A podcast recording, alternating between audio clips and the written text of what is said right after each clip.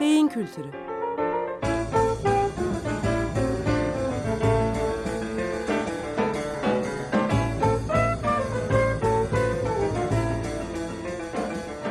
Tarihten, sanattan ve edebiyattan örneklerle beyin.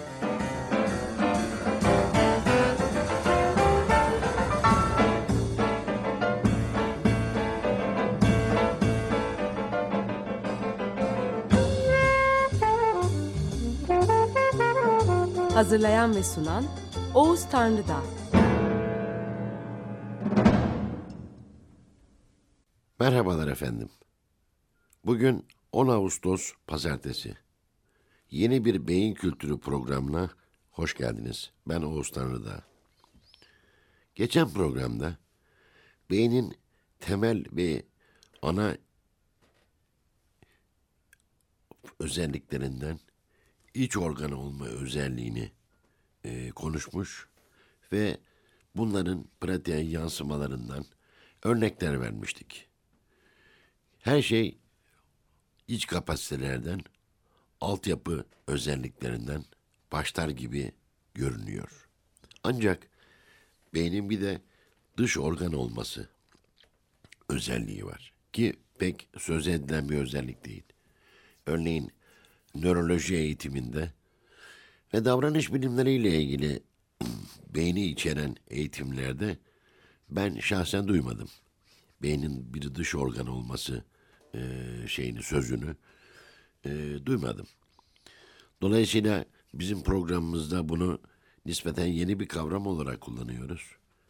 Ve arkasında çok önemli gerçekleri barındırdığı için, beyni anlamanın yolu buradan geçtiği için kesinlikle üzerinde duruyoruz. Çünkü e, beynin dış organı olma özelliği e, anlaşılmadan sosyal nörobilim denilen topluluklar için, gruplar için, insan grupları için e, beyinsel e, kavramları kuramazsınız. Empati kavramını kuramazsınız. Sosyal ilişki ve e, yardımlaşma kavramını kuramazsınız. Duygusal ortaklıkları kuramazsınız. Beynin dış organ olması, iç organ olmasından tümüyle farklı bir öykü olmaktan çok, hem iç organ olmasına bağlı hem de kendi başına özellikleri içerir. Öncelikle yeni olduğunu söylediğimiz bu deyimden ne kastediyoruz? Dış organ ne demektir? Onu tanımlayalım. Burada çelişkili bir kavramla karşı karşıyayız. Oluşumu ve işleyişi evrime dayanan ve biyolojinin kanun ve kuralları ile şekillenen bir organın dış organ olması ne demektir? Geçtiğimiz süre içinde hep biyolojiden, genlerden, kromozomlardan, anormal proteinlerden söz ettik. Burada bağlantı kurabilmek adına bir şeyden söz etmemiz gerekiyor. Eğer bunu doğru ifade edebilirsek, iç dış organ bağlantısını doğru kurabiliriz demektir.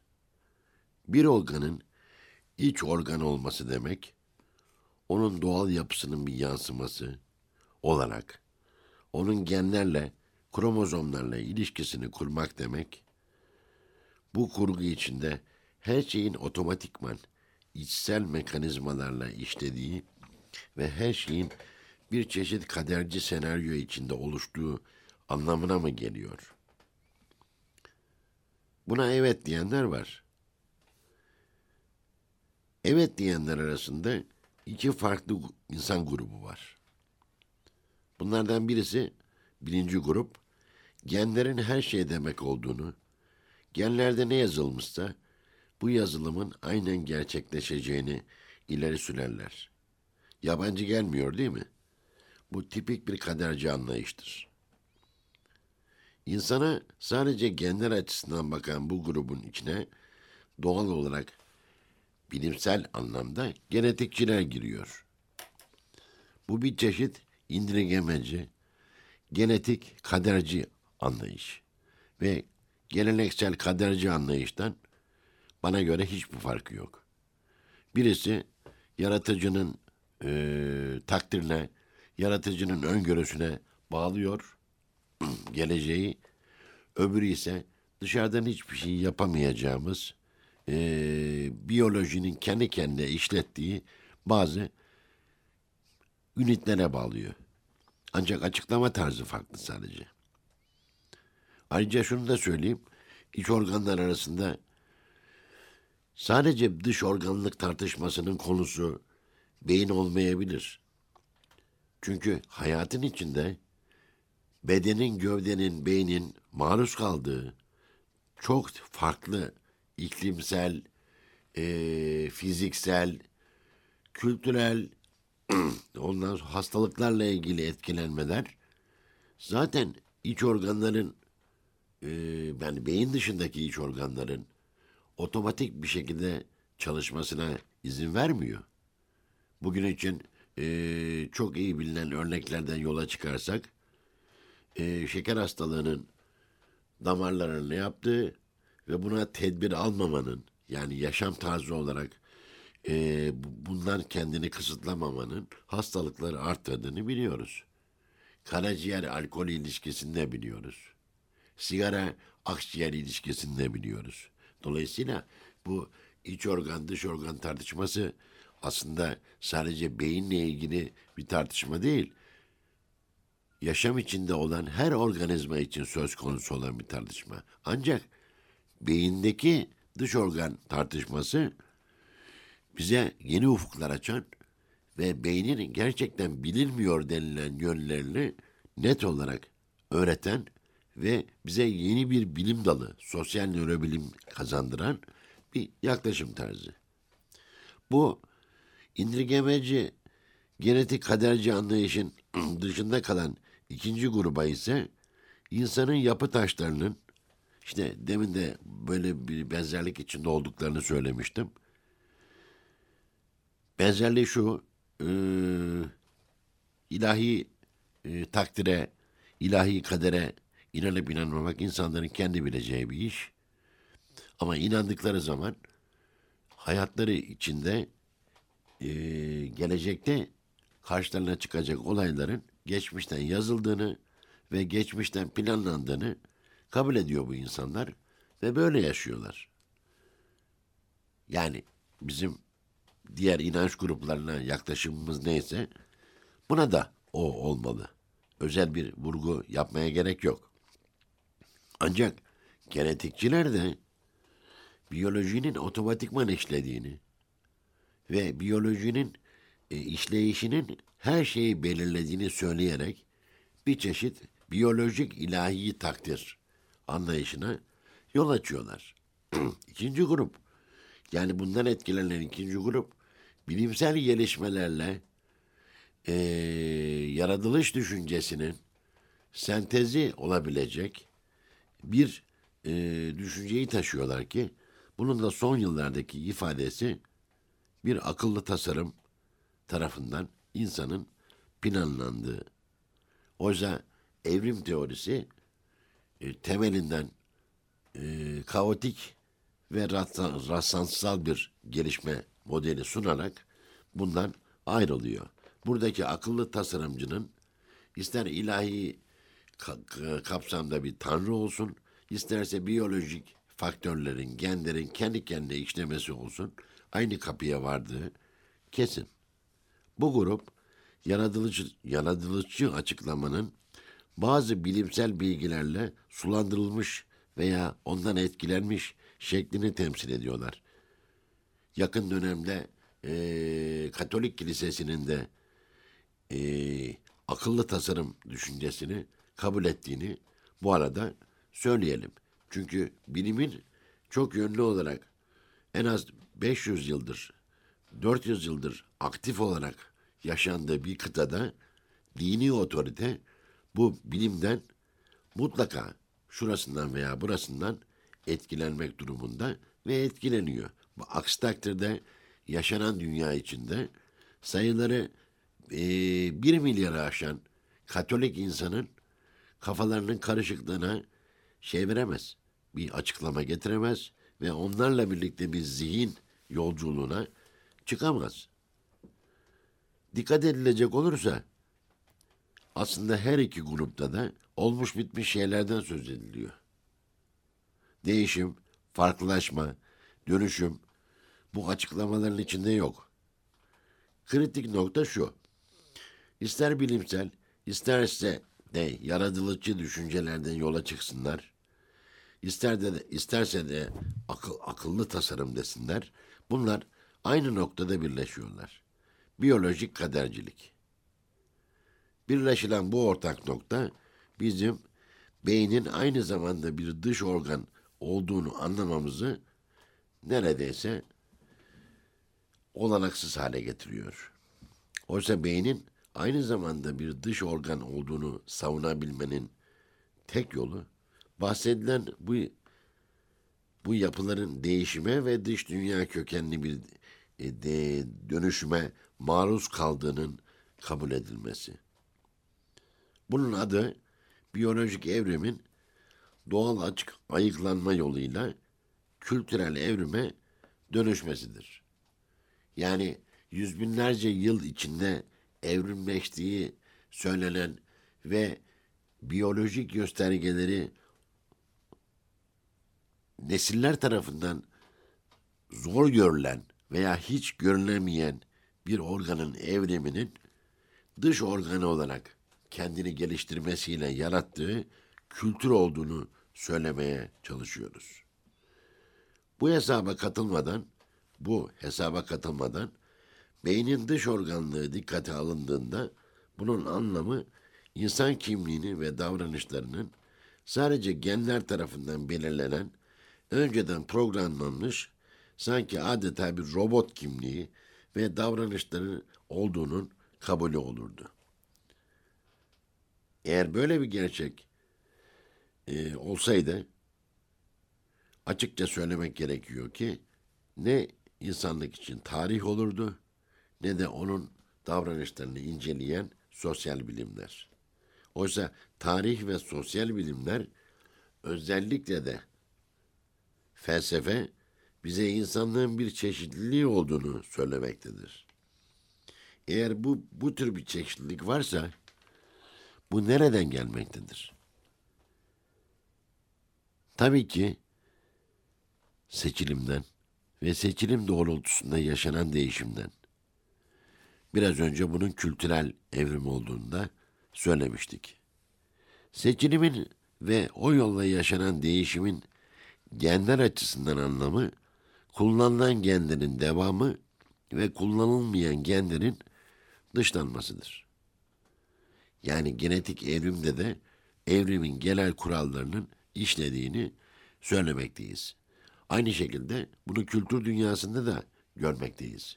Gelenekçi toplumlar davranış biçimlerini kullanmaya devam ederek ne kadar az değişime maruz tutuyorlarsa, dönüşümcü toplumlar veya reformcu zihniyetle yaşayan toplumlar e, ki burada e, bir taraf tutma veya e, doğru yanlış e, değerlendirmesine girmeye hiçbir şekilde söz konusu değil.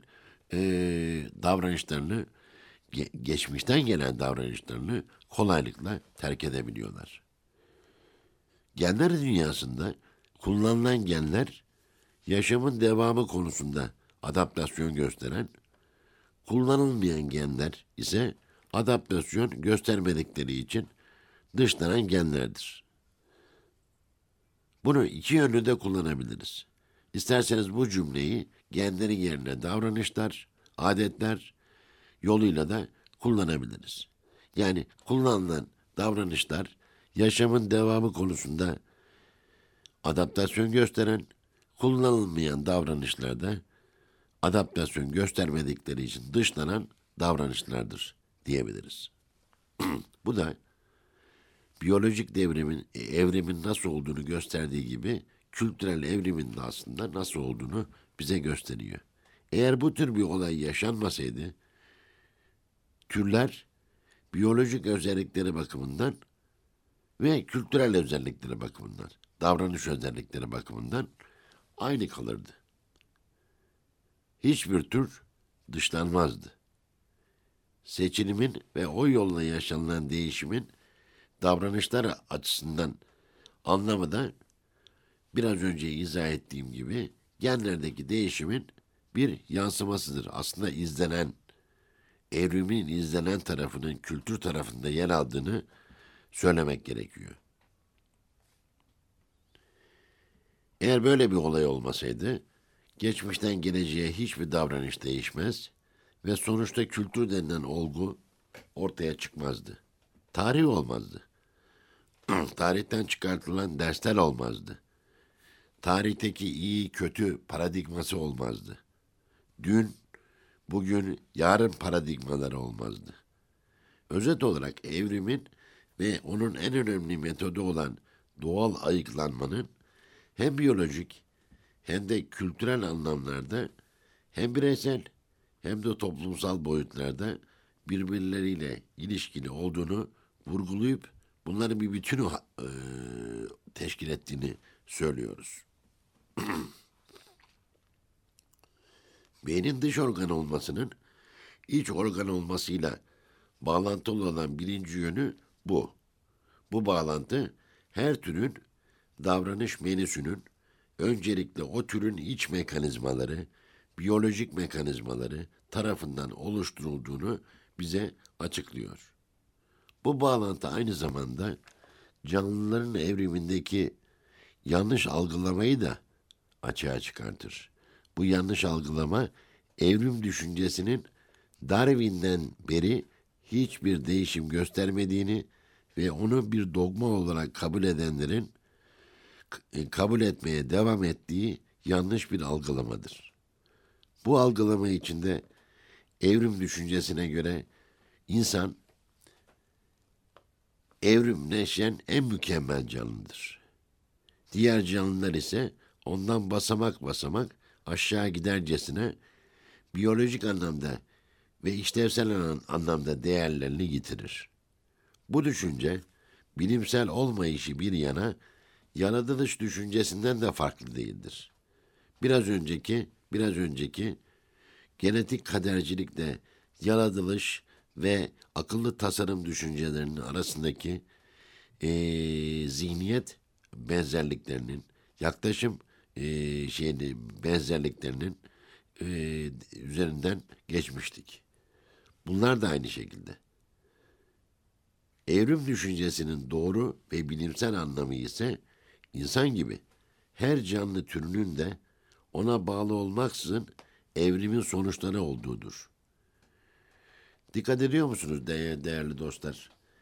Evrim teorisi ve onun, onun canlılara yansıması oldukça insandan ba- bağımsız, insan bağlantısı olmaksızın tartışılıyor. Şöyle, e, insanın nereden geldiği konusunda değil, bu neredeyse e, artık ağızlarda sakız.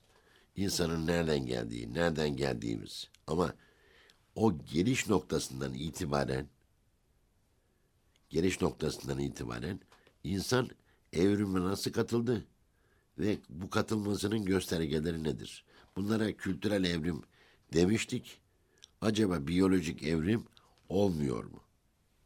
Eğer evrim mucizesinden söz ediyorsak bunu insanı dışlamadan her canlı türü için yapmalıyız. Evrim açısından insan evrimi nedenli değerliyse bu değer her canlı türü için de doğrudur ve değerlidir. Darwin düşüncesinin böyle anlaşılması aslında ortaya atıldığı dönemin özellikleriyle de malüldür ve pek üzerinde durulan bir konu değil. Bu açıdan Marksizm ve Freud düşüncesi nedenli modernist dünyanın ürünleri ise Darwincilik de öyledir. Dolayısıyla insana kadar getirip kestirmiştir. Çünkü modernizm içinde tek sözü geçen hakim canlı insandır. Diğer canlılar ise bize kartezyen düşünceyi hatırlatır bir şekilde ikincildirler. Nitekim evrim düşüncesinin ifade edilmesinden 150 yıla yakın bir süre geçtikten sonra e, hayvan hakları ve etiyle ilgili düşüncelerin günümüz dünyasında yeni yeni gelişiyor olması evrimin, evrim düşüncesinin geçen yüzyıl içinde nasıl anla- anlaşıldığının gayet açık bir şekilde bir örneğidir. Modernizm içinde tek sözü geçen canlı insandır dedik. Diğer canlılar ise bize kartezyen düşünceyi hatırlatır biçimde ikincidirler. Ve bunun değişmesi için en az yüz yıl geçmesi gerekmiştir. Yapı yönünden öyledirler, akıl fikir yönünden öyledirler. Bunların hepsinin dolayısıyla insanla ilgili bakış açısı yanlıştır.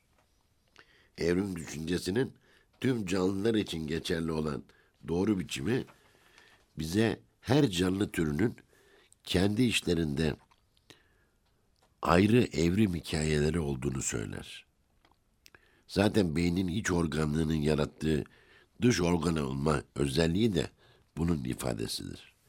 Beynin dış organ olma özelliğinin birinci yanı böylelikle iç yapının belirlediği kalıpsal ve türsel davranış altyapısı oluyor. Beynin dış organ olmasının ikinci yanına gelirsek, bu yan iç organ özelliğine dıştan etkiyen ve onu değişime zorlayan dıştan içe etkilemelerin toplamıdır. Bu yönde işleyen güçlerin özellikleri bakımından o denli çeşitli ve zengin örneklere sahibiz ki biraz önce belirleyici olduğunu söylediğimiz iç yapının içinde bulunduğu değişimlerin anlaşılması için bu örneklere girmek gereklidir.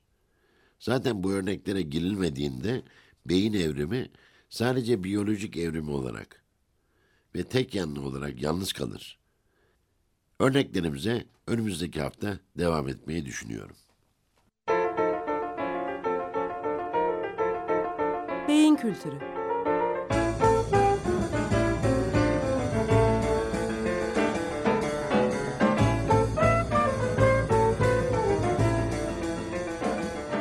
Tarihten, sanattan ve edebiyattan örneklerle beyin.